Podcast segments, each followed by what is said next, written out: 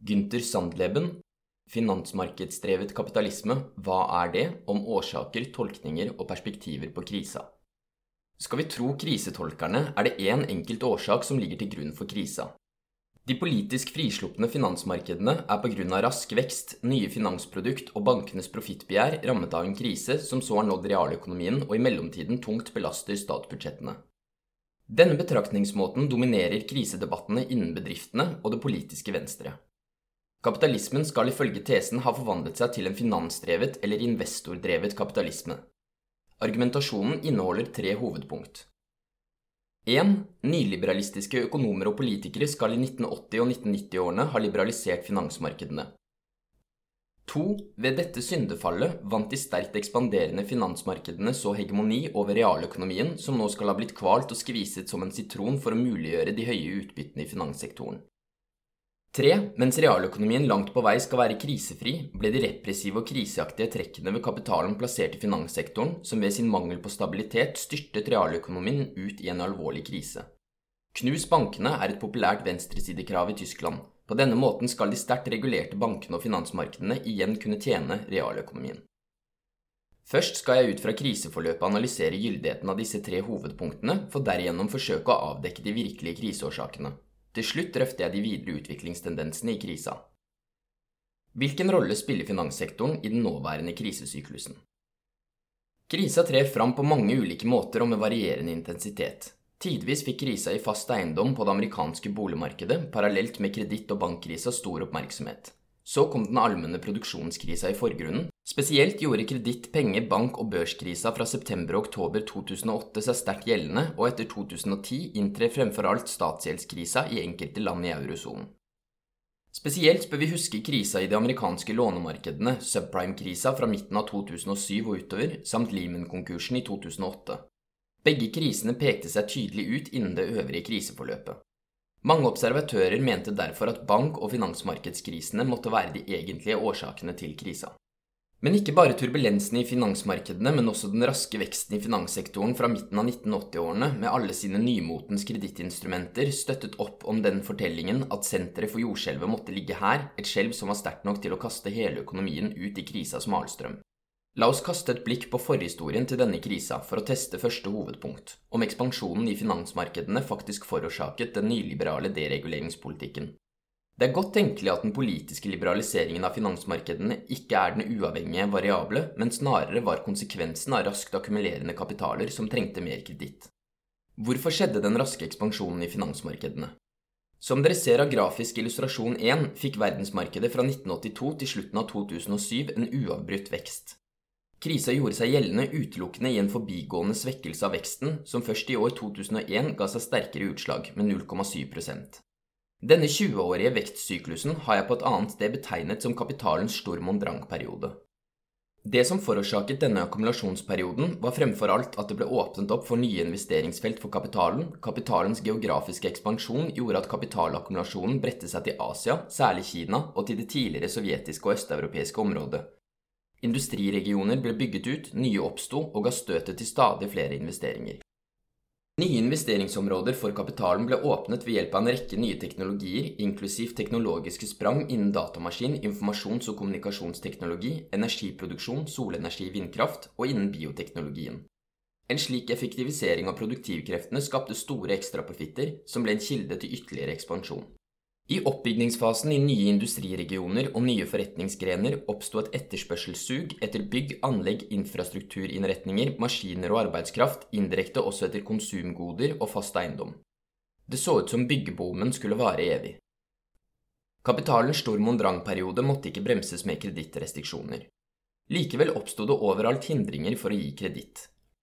La oss ta USA som eksempel. Det stedlige banksystemet var ennå i 1980-årene sterkt regionalt oppsplittet. Mulighetene for ekspansjon var allerede begrenset ved at det var forbudt for en bank å overta konkurrenter eller etter eget forgodtbefinnende å åpne bankfilialer.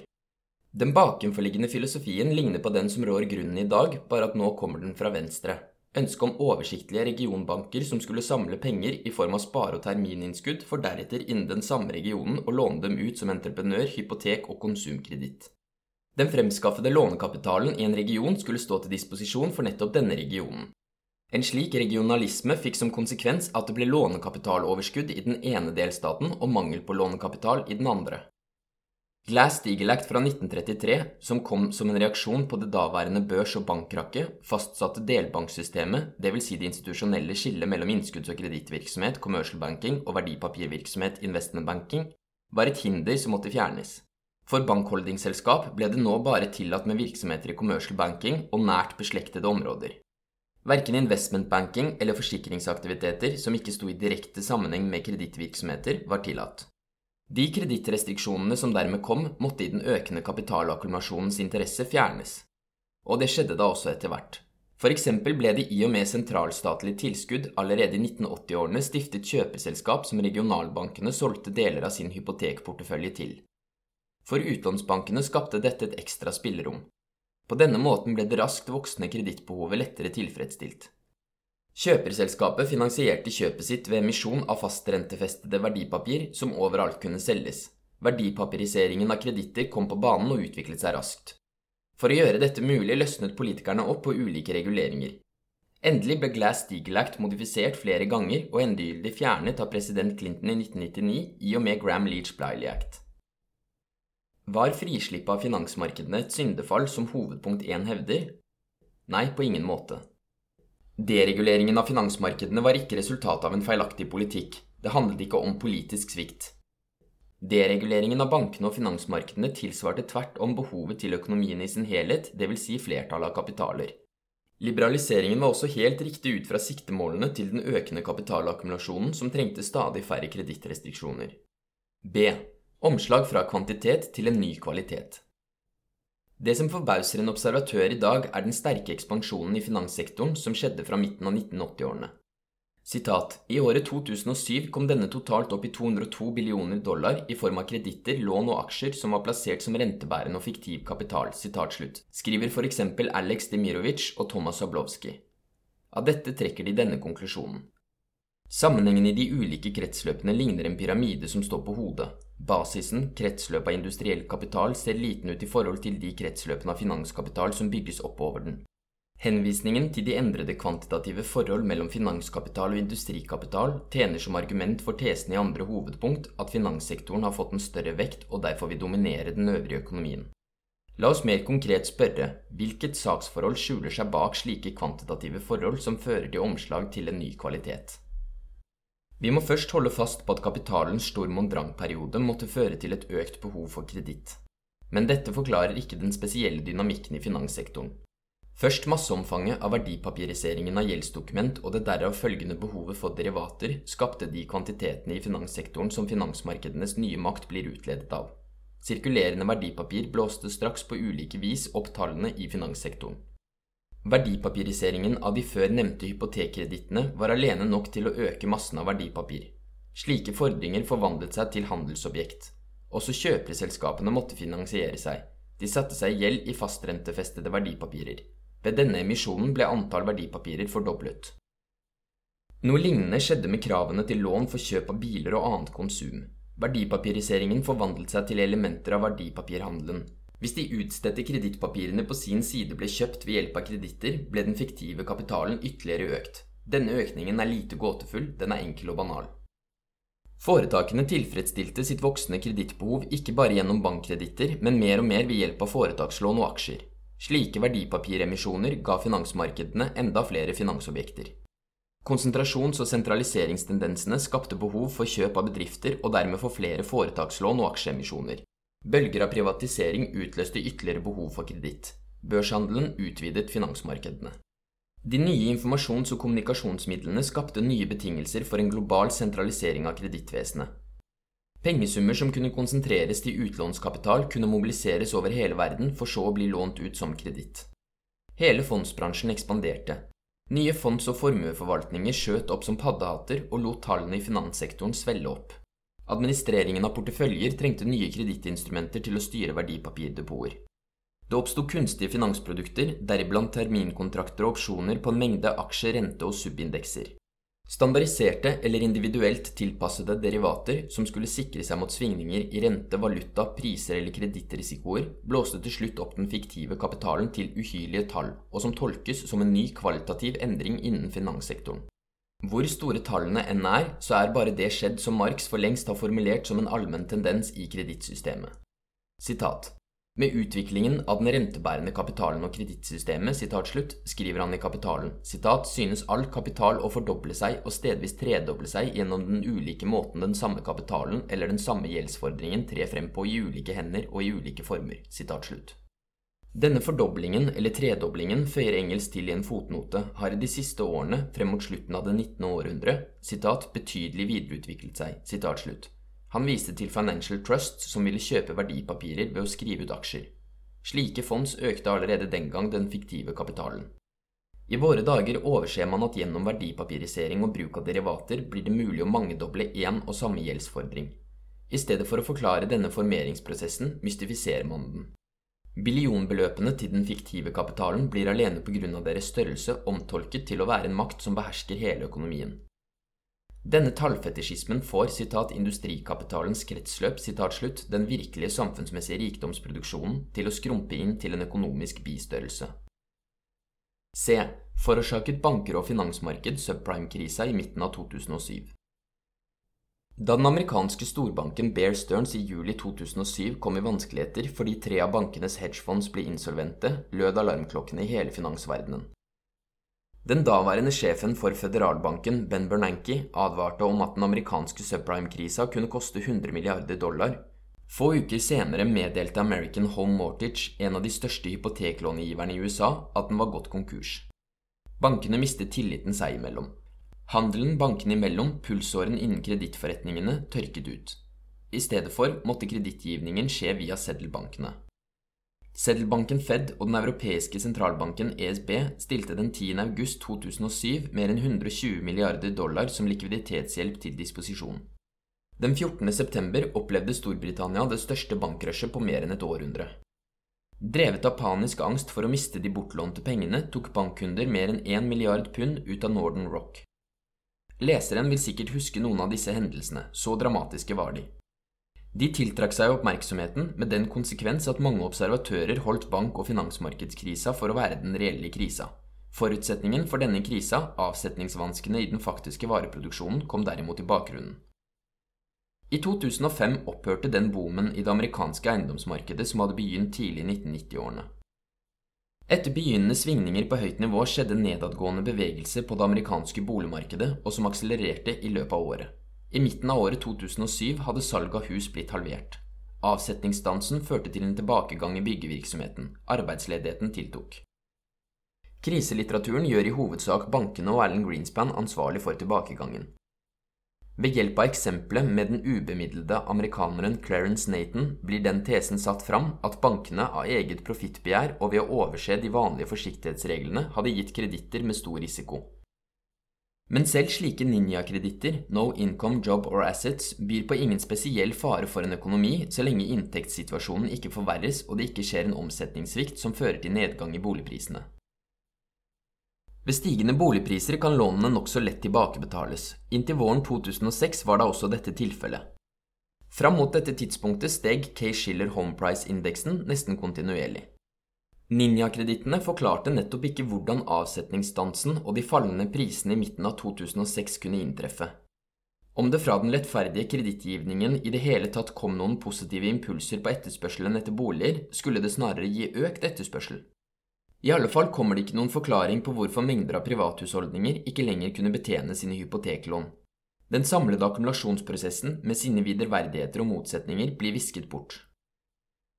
De man stadig trekker til ansvar, er, ved siden av de profitthungrige bankene, de private husholdningene, som angivelig skal ha spart for lite, eller ratingbyråene, som på lettferdig måte skal ha gitt gode karakterer, eller den politisk bestemte retten til å trekke hypoteklånerenter fra på skatten, og dermed gjorde låneopptak mer gunstig, og kineserne skal ha dirigert for mye kapital til USA. Videre blir det sagt at de suksessive senkningene av signalrenten i den amerikanske sentralbanken fra 6,5% i 2000 til 1% i 2004 var en rentepolitisk feilvurdering. På grunn av dette skal boblene på det amerikanske markedet for fast eiendom ha oppstått.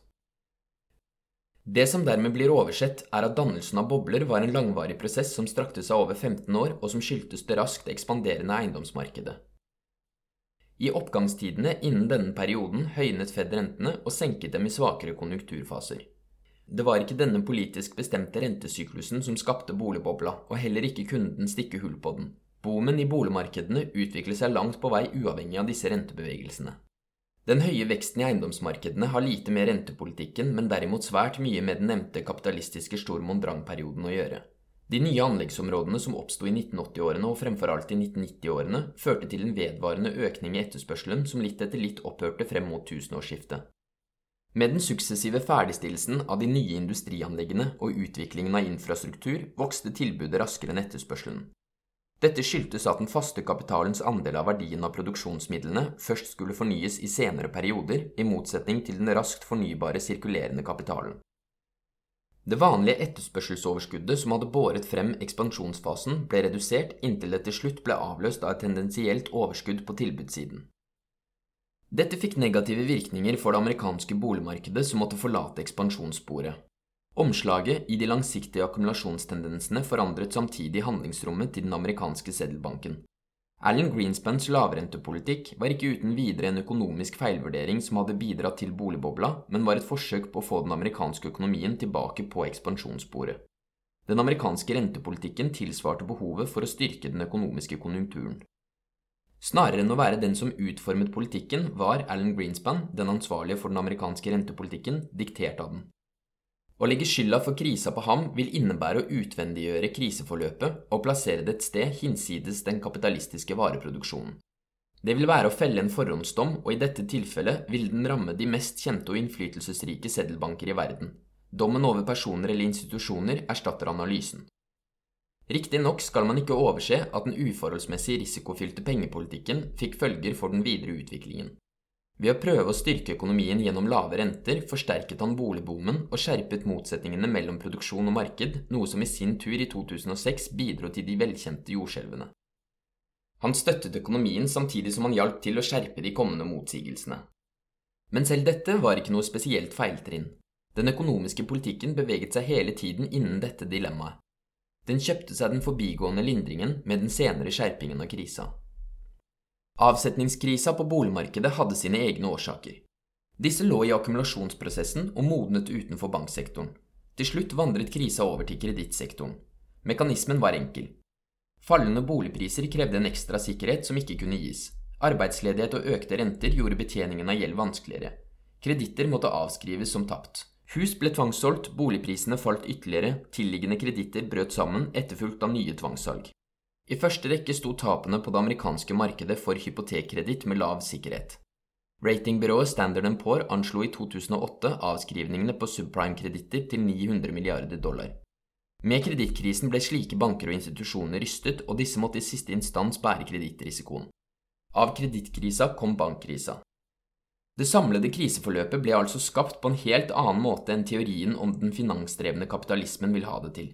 I motsetning til det som antas i hovedpunkt 2 og 3, var det ikke finanssektoren som utløste krisa. Det forholdt seg omvendt. Den virkelige kapitalakkumulasjonen produserte de motsigelsene som endte med reduksjon i avsetning og priser. Og først da prisene falt og de stadig dystrere prisutsiktene holdt seg og arbeidsledigheten skapte betalingsproblemer, inntraff den massive betalingssvikten hos huseierne. Hypotekkredittene brøt sammen og utløste subprime-krisa og bankkrisa. Det hva skjedde i forbindelse med Lehman-konkursen i september 2008? Vi kommer nå til krisas dramatiske høydepunkt, sammenbruddet i investeringsbanken Lehman Brothers den 15. september 2008. På nytt rykket hendelsene i bank- og finanssektoren så sterkt i forgrunnen at adskillige observatører mente at Lehman-konkursen hadde forårsaket krisa i industrien. Peter Bofinger, et medlem av det sakkyndige rådet som skal overvåke den tyske økonomien, påsto f.eks. at citat, sammenbruddet i Lehman ikke bare rystet det globale finanssystemet, men førte samtidig til et plutselig og dypt sammenbrudd i aktiviteten i verdensøkonomien. Citat, slutt. På lignende måte bedømte den daværende presidenten i Bundesbank, professor Axel Weber, betydningen av Lehman-konkursen, da han skrev Sitat, det kan ikke herske tvil om at i og med insolvensen i Lehman Brothers har situasjonen fundamentalt forandret seg. Høsten 2008 ble det av finansmarkedskrisa som var avgrenset til overskuelige deler av markedet, skapt en global finanskrise som vokste til å bli en verdensomspennende økonomisk krise. I virkeligheten var den globale etterspørselen innen de viktigste industrigrenene falt sammen, men den begynte slett ikke først med Lehman-konkursen. Allerede i januar 2008, altså ni måneder før Lehman-sjokket 15.9.2008, begynte etterspørselen å skrumpe, først langsomt og deretter i økende fart. Den påståtte årsakssammenhengen kunne i det minste i denne fasen ikke ha eksistert. Vekstraten i USAs brutto innenlandsprodukt gikk etter fjerde kvartal i 2007 ned. Fra våren 2008 kollapset den amerikanske økonomien. Verdens største økonomi hadde allerede nådd sin depresjonsfase da Lehman Brothers meldte seg selv konkurs. Ofte blir den allmenne krisa i industrien sett på som en konsekvens av en kredittklemme som skal ha oppstått etter finanskrisa i 2007. Dette er empirisk uholdbart. Så vel de økende utlånene i 2007 og 2008 som resultatet av en spørreundersøkelse fra IFO institutt og Den europeiske sentralbanken taler mot eksistensen av en slik kredittklemme. Kredittverdige foretak hadde ingen slike vanskeligheter med å få tilstrekkelig kreditt fra bankene. Det kunne da heller ikke være annerledes ettersom de store seddelbankene gjennom sine særskilte forholdsregler stilte til disposisjon omfattende likviditet nettopp for å forhindre en mulig kredittklemme. La oss mot teorien om den finansdrevne kapitalismen holde fast på følgende. Både forut for finansmarkedskrisa i midten av 2007 og den andre finansmarkedskrisa i september 2008 inntraff en reduksjon i avsetningen. Finansmarkedskrisa kunne derfor ikke ha forårsaket krisa i industrien, slik det blir hevdet i hovedpunkt 3. Det forholdt seg snarere omvendt. Krisa i realøkonomien førte til betalingsvansker som rystet hele finanssektoren. Det finnes økonomiske grunner til at kreditt- og bankkrisa må være et resultat av den allmenne krisa. Kredittkrise innebærer at et stort antall debitorer ikke kan betale sin gjeld. Dette skjer i masseomfang så snart tilbakestrømmen av penger blir forstyrret. Pengene kommer da ikke tilbake i det hele tatt, eller ikke med den vanlige regelmessighet og punktlighet. Det oppstår nødvendigvis betalingsproblemer. Betalingskjeder slites i stykker når kreditt uteblir. Tilliten til kredittverdigheten blir allment rystet. Kreditten bryter sammen. Salg skjer nå bare mot kontantbetaling, dvs. Si at kredittsystemet plutselig slår om i monetærsystem. Kredittkrisa må nødvendigvis samtidig være en krise for bankene, ettersom bankene gir størstedelen av kreditten. Og kredittkrisa er samtidig en krise i finansmarkedene fordi de verdipapiriserte kredittene likeledes blir tvilsomme og kan føre til kurstap på finansmarkedene. En slik kreditt-, bank- og børskrise var bakgrunnen for panikken i september 2008. På dette tidspunktet var kredittkjedene spent til det ytterste. De så ut til å kunne rives i stykker. Den utløsende årsaken var ganske tilfeldig. Hadde det ikke vært Lehman, ville det kanskje vært en annen storbank. En stor bedriftskonkurs kunne det også ha vært. Uten de statlige redningsaksjonene ville General Motors for lengst ha sørget for den. Når jeg her sier at kredittsystemet slo om til monetærsystem, bruker jeg en formulering hos Marx. Marx definerte kreditt- og pengekrisa, altså omslaget fra kredittsystem til monetærsystem, som citat, en spesiell fase i enhver produksjons- og handelskrise. Citat. Krisesyklusen i vareproduksjonen og varesirkulasjonen er her kjerneprosessen som bestemmer kredittsyklusen. Overfladiskheten i den politiske økonomien viser seg, slutt, sier han i Kapitalens første bind. Sitat, blant annet i at den gjør ekspansjonen og kontraksjonen i kreditten, som bare er symptomet på de ulike periodene i den industrielle syklusen, til dens egentlige årsak. slutt. Denne Marx-tesen blir gjennom den nåværende krisesyklusen fullt ut bekreftet. Da Marx analyserte den grunnleggende strukturen i kapitalismen og dekket akkumulasjonens lover, fant han nøkkelen til den allmenne loven bak den kapitalistiske krisa. Abstrakt formulert inntrer det krise når kapitalens bevegelse ikke bare selvstendiggjør de innbyrdes avhengige og sammenhengende fasene i produksjons- og markedsprosessen, men i den grad river dem fra hverandre slik at varekapitalens metamorfoser ikke flyter over i hverandre. Den muligheten for krise som ligger latent i vareproduksjonen, blir til virkelighet. Krisas periodisitet kan ikke være noe annet enn periodisiteten i den prosessen som fører til at de innbyrdes avhengige fasene, som mer og mer selvstendiggjør seg overfor hverandre inntil den indre enheten i disse nødvendigvis gjør seg gjeldende i krisa. Det er et sitat materielt grunnlag sitat slutt, for denne periodisiteten som ifølge Marx ligger i sitat syklusen av sammenhengende slag sitat slutt, som er forårsaket av den faste kapitalens gjennomsnittlige levetid. Sitat, Imidlertid danner krisa alltid utgangspunkt for store nyinvesteringer. Vil si at den, sett ut fra samfunnstotaliteten, også danner et mer eller mindre nytt grunnlag for den neste omslagssyklusen. En analyse av verdibestanddelene i de tilbudte og etterspurte varene gjør det tydelig hvorfor produksjon og marked må falle fra hverandre. Erstatningen av de langvarige produksjonsmidlene, inklusivt maskiner og anlegg, fører til at den tilsvarende kapitalen skaper et forbigående etterspørselsoverskudd. Dette fordi tilbudet bare omfatter verdien av den forbrukte faste kapitalen, C fast. Dertil kommer verdidelene av den sirkulerende kapitalen, C sirk, den gjenskapte verdien av de ubetalte arbeidslønnene, CV, og den produserte merverdien, CM. I perioden da den faste kapitalen blir erstattet, kommer den derav følgende etterspørselen fra den fornyede sirkulerende konstante kapitalen KS pluss lønnsarbeidernes etterspørsel etter livsmidler, som tilsvarer ubetalt lønn KV, pluss en etterspørsel som kommer fra merverdien KM. Og ikke minst også fra etterspørselen etter de produksjonsmidlene som skal fornyes. Sett at C-sirk er lik K-sirk, CV er lik KV og CV er lik KV.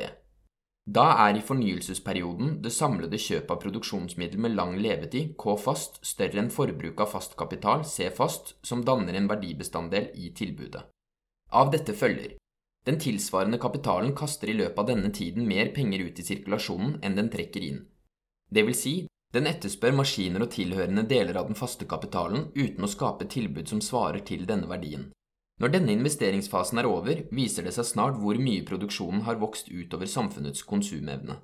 Den overskytende etterspørselen slår om til overskytende tilbud, da den tilsvarende kapitalen nå verdimessig sett erstatter færre produksjonsmiddel med lang levetid, K-fast, dvs. Si etterspør mindre enn det som er inneholdt i tilbudet på forbrukt fast kapital, C-fast. Under ellers slike omstendigheter fører den tilsvarende kapitalen nå flere varer ut på markedet enn den trekker inn. I stedet for en likevekt mellom tilbud og etterspørsel, produserer den via kapitalens fornyelsesprosess en systematisk grunn til at kjøp og salg i tid faller fra hverandre. Den indre enheten i de innbyrdes selvstendiggjorte og motsigelsesfulle momentene i varemetamorfosen gjør seg voldelig gjeldende i form av en krise som har som funksjon på en eller annen måte å skape likevekt mellom de motstridende elementene. Den nåværende inntekts- og sysselsettingsteorien toner slike kriseårsaker ned, slik at fornyelsen av kapitalbeholdningen i utgangspunktet ikke blir tematisert. Denne raskt fremsatte teorien går uttrykkelig ut fra en uforandret kapital med uforandret teknologi. Da overser man en ny sammenheng at reproduksjonen av totalkapitalen med sine fornyelsessykler lar etterspørsel og tilbud falle fra hverandre i tid. Perspektiv på krisa Teorien om den finansmarkedsdrevne kapitalismen inneholder den tesen at krisa fremfor alt var en finanskrise som så vandret over til realøkonomien. Den har vist seg å være både teoretisk og empirisk feilaktig.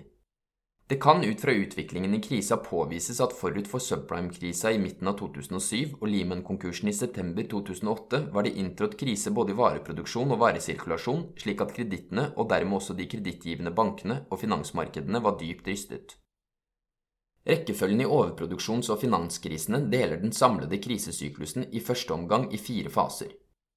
Krisa i amerikansk bygningsindustri, fase 1 fra midten av 2005 til midten av 2007, ble fulgt av subprime-krisa i midten av 2007.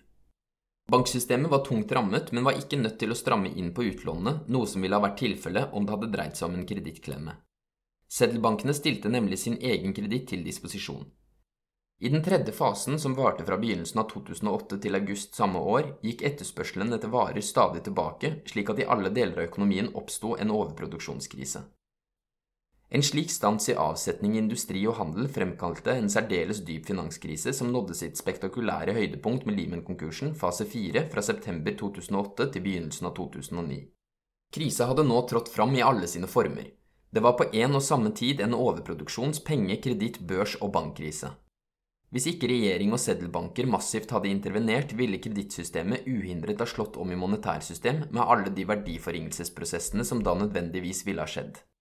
Riktignok ville det dermed også blitt skapt et grunnlag for et senere selvbærende økonomisk oppsving. Den verdensomspennende økonomiske krisa fra 1929 til 1932 ville ha vært et mulig utviklingsmønster. Men staten stoppet denne krisemekanismen. Med sine inngrep stoppet den verdiforringelsesspiralen. Den forvandlet faren for verdiforringelse av kapitalen med sin egen risiko, noe som førte til en dramatisk økning av statsgjelda. Den tilnærmet ubegrensede tilgangen til seddelbankkreditt, de statlige redningsaksjonene, konjunkturprogrammene og tallrike enkelttiltak hindret på politisk måte en vedvarende økonomisk depresjon. I første kvartal 2009 stabiliserte økonomien seg, fase 5. I begynnelsen av 2010 skjedde det i de fleste land en syklisk forbedring, fase 6. Dette konjunkturoppsvinget syntes etter våren 2012 å ha stanset og blitt avløst av en ny periodisk overproduksjonskrise. Med denne fase 7 blir situasjonen overordentlig skjerpet ettersom flere krisefaktorer da inntreffer samtidig. Fornyet syklisk krise Til å begynne med skjer det en skjerping av motsetningene og motsigelsene i vareproduksjonen som i konjunkturoppgangen fase 6 har oppstått på nytt. Det dreier seg her om den iboende motsigelsen mellom bruksverdi og verdi, som ytrer seg som en motsigelse mellom vare og penger, og dermed mellom produksjon, tilbud og marked etterspørsel. Den faste kapitalens reproduksjonsprosess, som er en systematisk grunn til at produksjon og marked periodisk faller fra hverandre, var i gang i fase 6 og dannet et grunnlag for konjunkturoppsvinget. Nå stanser denne fornyelses- og utvidelsessyklusen i den faste kapitalen. Det nye tilbudet kommer på markedet mens etterspørselen etter investeringsvarer samtidig avtar. Men det er ikke bare denne begrensningen i markedet som her oppstår. Å produsere på kapitalistisk måte vil si å produsere bruksverdier, ikke for sin egen skyld, men med tanke på den profitten som ligger i bytteverdien. Grunnlaget for denne profittproduksjonen er antagonistiske fordelingsforhold, som gjør at konsumet for massene blir redusert til et for kapitalen overkommelig minimum. Mens produksjonskapasiteten bare blir begrenset av samfunnets produktivkrefter, blir konsumkapasiteten mer begrenset. De laveste lønningene, som er et uttrykk for antagonistiske fordelingsforhold, forhindrer en likevekt mellom produksjons- og konsumsjonsevne. I stedet utgjør de en markedsskranke som desto lettere faller bort jo tettere forholdet mellom lønn og vareproduksjon er. Dermed får vi det aktuelle fenomenet at avsetning av konsumvarer støter mot skranker og får produksjonen til å gå i stå, selv om de brede befolkningsmassene mangler det mest nødvendige. Overproduksjon og fattigdom er to sider av samme sak. Fremfor alt trer dette paradokset krast fram i kriselandene Hellas, Portugal og Spania. Stofflig sett betyr overproduksjon at en mengde ubrukte bruksverdier byr seg frem, altså i seg selv en livsberikelse. Men det er en overproduksjon ikke av bruksverdier, men av bytteverdier som av begrensningen i markedet ikke lar seg realisere produktivt. Ødeleggelse av bruksverdier og produksjonsmiddel er konsekvensene. I stedet for berikelse får vi ødeleggelse av rikdom, arbeidsløshet, fattigdom, elendighet i masseomfang. Hvorfor denne katastrofen? Ene og alene fordi produktene har vareform og må byttes som varekapital, dvs. Si som kapitalistisk eiendom, mot penger før de konkret kan brukes og nytes. Hele den kommersielle delen av prosessen, eiendom og lønnsomt salg, står åpenbart i motsetning til den enkle tilegnelsen. Overproduksjonskrisa innebærer en stopp i reproduksjonsprosessen. Den verdien som varen inneholder, lar seg ikke realisere i det hele tatt eller bare delvis, eventuelt forsinket. Bedriftene kommer i betalingsvanskeligheter og kan i stadig mindre grad betjene lånene. Denne kredittkrisa er samtidig en bank- og finansmarkedskrise, noe vi kunne se i forbindelse med kriseforløpet fra 2007 til 2008. Det er denne samme mekanismen som nå igjen trer i virksomhet, og som er mest langvarig i de nevnte kriselandene. En indikasjon på dette er den manglende tilliten til greske, portugisiske og spanske banker. Banker i andre land stiller ikke lenger kreditter til disposisjon, og samtidig overfører bankkunder sine egne innskudd til mer stabile stater. Uten statlig hjelp og fremfor alt uten de vidtgående refinansieringsmulighetene i Den europeiske sentralbanken ville bankene i kriselandene for lengst ha brutt sammen. Den overproduksjonskrisa som avtegner seg i fase 7, blir til et kjempeproblem så snart den ennå nasjonalt og regionalt avgrensede avsetningssvikten allmenngjøres, dvs. Si blir til en hendelse på verdensmarkedet. Problemene blir da mangedoblet, og det blir stadig vanskeligere på politisk måte å demme opp for de kreditt-, bank- og finansmarkedskrisene som utgår fra overproduksjonskrisa. Permanent krise Den andre krisefaktoren henger nært sammen med fasene fire og fem. Prisen for stabilisering var høy, noe som etter hvert har vist seg. I den grad statene grep inn, vandret faren for verdiforringelse fra kapitalsektoren over til statssektoren. Risikoene ble værende i helhetssystemet, bare det at de nå fordeles annerledes og har antatt nye former. De ytrer seg da som en dramatisk økt statsgjeld. Et resultat av dette er statsgjeldskrisene som har skapt store rystelser i eurosonen. En annen følge av de risikoene som ble tatt over fra kapitalsektoren, er at seddelbankbalansene ble blåst opp. Her skjuler det seg kjempesummer av råtten kreditt som kan ryste tilliten til seddelbankene. Sett i ettertid var den gjeldende gjeldspolitikken ingenting annet enn en måte å utsette krisa på. Krisa ble lindret, men krisefaktorene ble bevart. Riktignok betyr ikke bevaring på noen måte nøytralisering. Krisefaktorene har bare mistet sin akuttsykliske karakter. Skatte- og pengepolitikken forvandlet dem til en vedvarende belastning. Ut av krisen i 2007 og 2008 er det blitt en permanent krise. Statsintervensjonismens vellykkede stabilisering vil kunne vise seg å være en pyroseier, en forberedelse for en kommende statsbankerott og en dyp tillitskrise for seddelbankene. De overlevende restene av krisa som staten nå sitter med, undergraver statens handlingsrom. Forsøket på å belaste den store befolkningsmassen med de krisefaktorene som staten har overtatt gjennom sparepolitikken, støter mot visse skranker. På den ene siden vokser den politiske motstanden mot lønns- og kuttpolitikken, på den andre fører disse til en ytterligere skjerping av overproduksjonskrisa, ettersom kuttpolitikken fører til større innskrenkning av markedet. Derfor har sparetiltakene i Hellas, Spania og Portugal skjerpet krisa. På samme tid gjør den svakere skatteinngangen det statlige gjeldsproblemet større. I stedet for å forbedre den finansielle situasjonen har krisepolitikken ytterligere undergravet mulighetene for inngrep. Den permanente krisa svekker den skattepolitiske handlingsevnen både hos regjeringer og seddelbanker. Tilliten står på spill. Ettersom valutaene ikke lenger er sikret i gull, blir tillitstapet desto større og setter straks stabiliteten i fare. En akselererende inflasjon blir resultatet.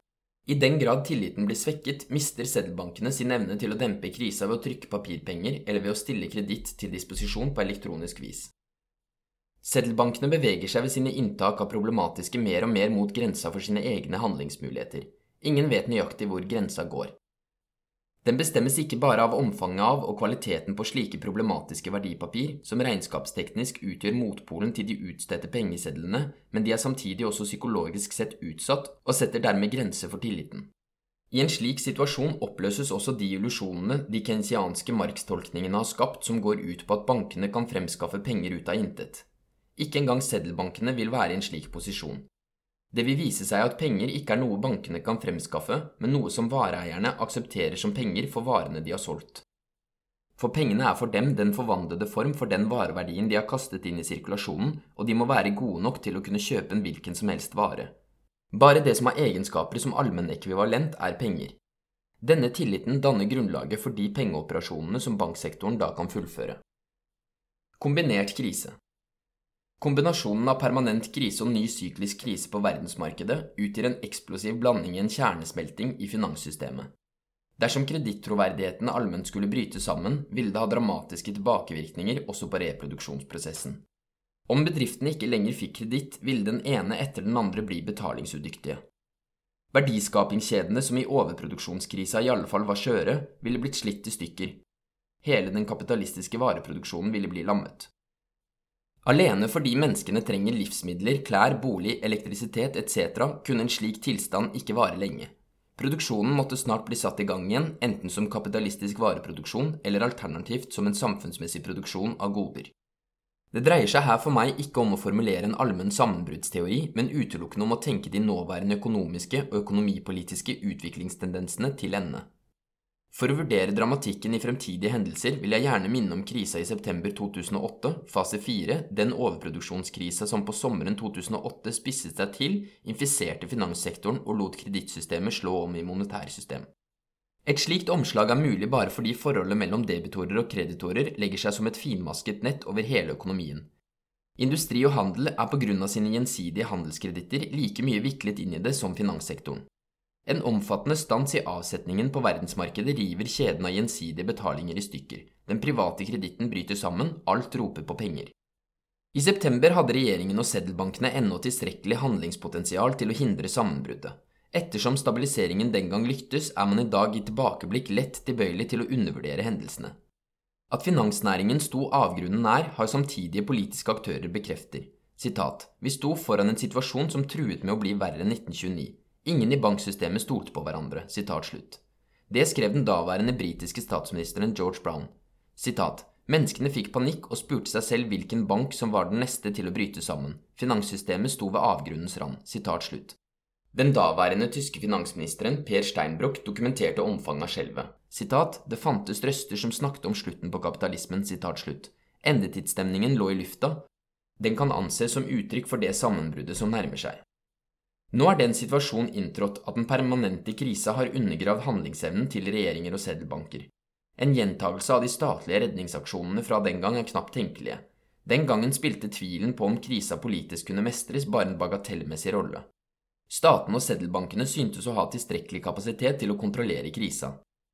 Tilliten til den offentlige kreditten var stor nok til at den enkelte debitor slo seg til ro når staten kausjonerte, eller når de nødlidende direkte fikk sin private kreditt skiftet ut med offentlig kreditt. I dag har de tungt gjeldsrammede statene ikke lenger finansiell makt til å foreta redningsaksjoner og lage storslåtte konjunkturprogrammer, og seddelbankene er for lengst blitt mistenkt for å være bad banks. Hvordan kan de ha den nødvendige tilliten til å kunne operere som lender of last resort, som den siste avgjørende fordringshaver, og erstatte de tvilsomme privatlånene med offentlig kreditt? Men når regjering og seddelbank ikke kan bremse omslaget fra kredittsystem til monetærsystem, og selv står i fare for å havne i krisas malstrøm, da blir plutselig samtlige krisefaktorer giftige. Ikke bare de sykliske, men også de kriseelementene som ligger gjemt i statsbudsjettene og seddelbankene. La oss se for oss en mulig serie av hendelser. Med den allmenne overproduksjonskrisa som i form av en krise på verdensmarkedet stadig synes å rykke nærmere, ville kredittsystemet i første omgang slå om til monetærsystem på grunnlag av de eksisterende valutaene. Alle trenger penger for selv å kunne betale. For å skaffe penger ville varer bli ofret, dvs. Si solgt på markedene til hvilken som helst pris. En gigantisk verdiforringelsesprosess ville inntre som på sensommeren 2008. Men politikken ville sannsynligvis være en annen ettersom skatte- og pengepolitikken ikke lenger ville råde over de ressursene den hadde den gang. Den permanente krisa begrenser mulighetene for inngrep. Dessuten ville en fornyet overproduksjonskrise på dobbelt vis skjerpe statsgjeldskrisa. For det første ville reduksjonen i skatteinngangen sammen med de krisebetingede ekstrautgiftene føre til en ny og enorm økning av gjelden. Og for det andre ville den sterk skrumpede nasjonale rikdomsproduksjonen komme i en ugunstig situasjon. Tilliten til kredittverdigheten, selv til de statene som i dag fortsatt anses for å være stabile, ville kanskje gå tapt. På markedet for statslån ville det i tilfelle av en slik dramatisk skjerpet krise bryte ut salgspanikk. Selv om seddelbankene for å redde staten kjøpte opp statstitler, vil det i beste fall være en beroligende pille for de som eier innenlandske verdipapir, men ikke for de utenlandske eierne. For frykten for at seddelbanken ville ruinere sin egen valuta ved å kaste pengesedlene sine ut i sirkulasjonen i bytte mot sine egne verdiløse statspapirer, ville raskt slå om i en panikk som så ville ramme markedet for utenlandsk valuta. Nå ville utenlandske investorer ikke bare selge statsgjeldstitler, men også private gjeldstitler i angjeldende land for å hente pengene tilbake til eget land. En slik kapitalflukt ville føre til et sterkt verdifall i valutaen og sågar til knapphet på utenlandsk valuta. Men når valutaen i forhold til utlandet taper verdi, da taper den også verdi innenlands, ettersom de utenlandske varene ville bli dyrere med økende inflasjon som konsekvens. Det allmenne tillitstapet ville ha hatt tungtveiende virkninger på selve monetærsystemet, da emisjonen av penger overveiende beror på statstitler. Bak monetærsystemet skjuler det seg et kredittsystem som hviler på offentlig kreditt. Hvis den offentlige kreditten brøt sammen pga. at statsgjeldskrisa førte til at tilliten til den statlige gjeldsbetjeningsevnen gikk tapt, ville monetærsystemet, som har den offentlige kreditten som grunnlag, bli dypt rystet. Omslaget fra kredittsystem til monetærsystem ville derfor vært mer vidtrekkende enn på sensommeren 2008. Selve pengene ville blitt rammet. Tapet av tilliten til den offentlige kreditten ville ført til at de utstedte papirpengene ble verdiløse. Monetærsystemet, støttet av den offentlige kreditten, måtte ha slått om i et gullsystem, blitt til virkelige verdisikrede penger eller verdibevis som bygger på disse, og som egner seg som allmenn ekvivalent. Men hva som til syvende og sist blir akseptert som penger, er det ikke bankene som bestemmer, men vareeierne. For disse vil ved salg akseptere som penger bare det som synes dem å være et tilstrekkelig sikkert middel til å kjøpe hva de vil. Pengene må være virkelig verdibevis for den avhendede varen, altså virkelig verdibevis som kan tjene til å realisere vareverdien, og som er skikket til å være allmennekvivalent, umiddelbart byttemiddel for enhver tilfeldig vare.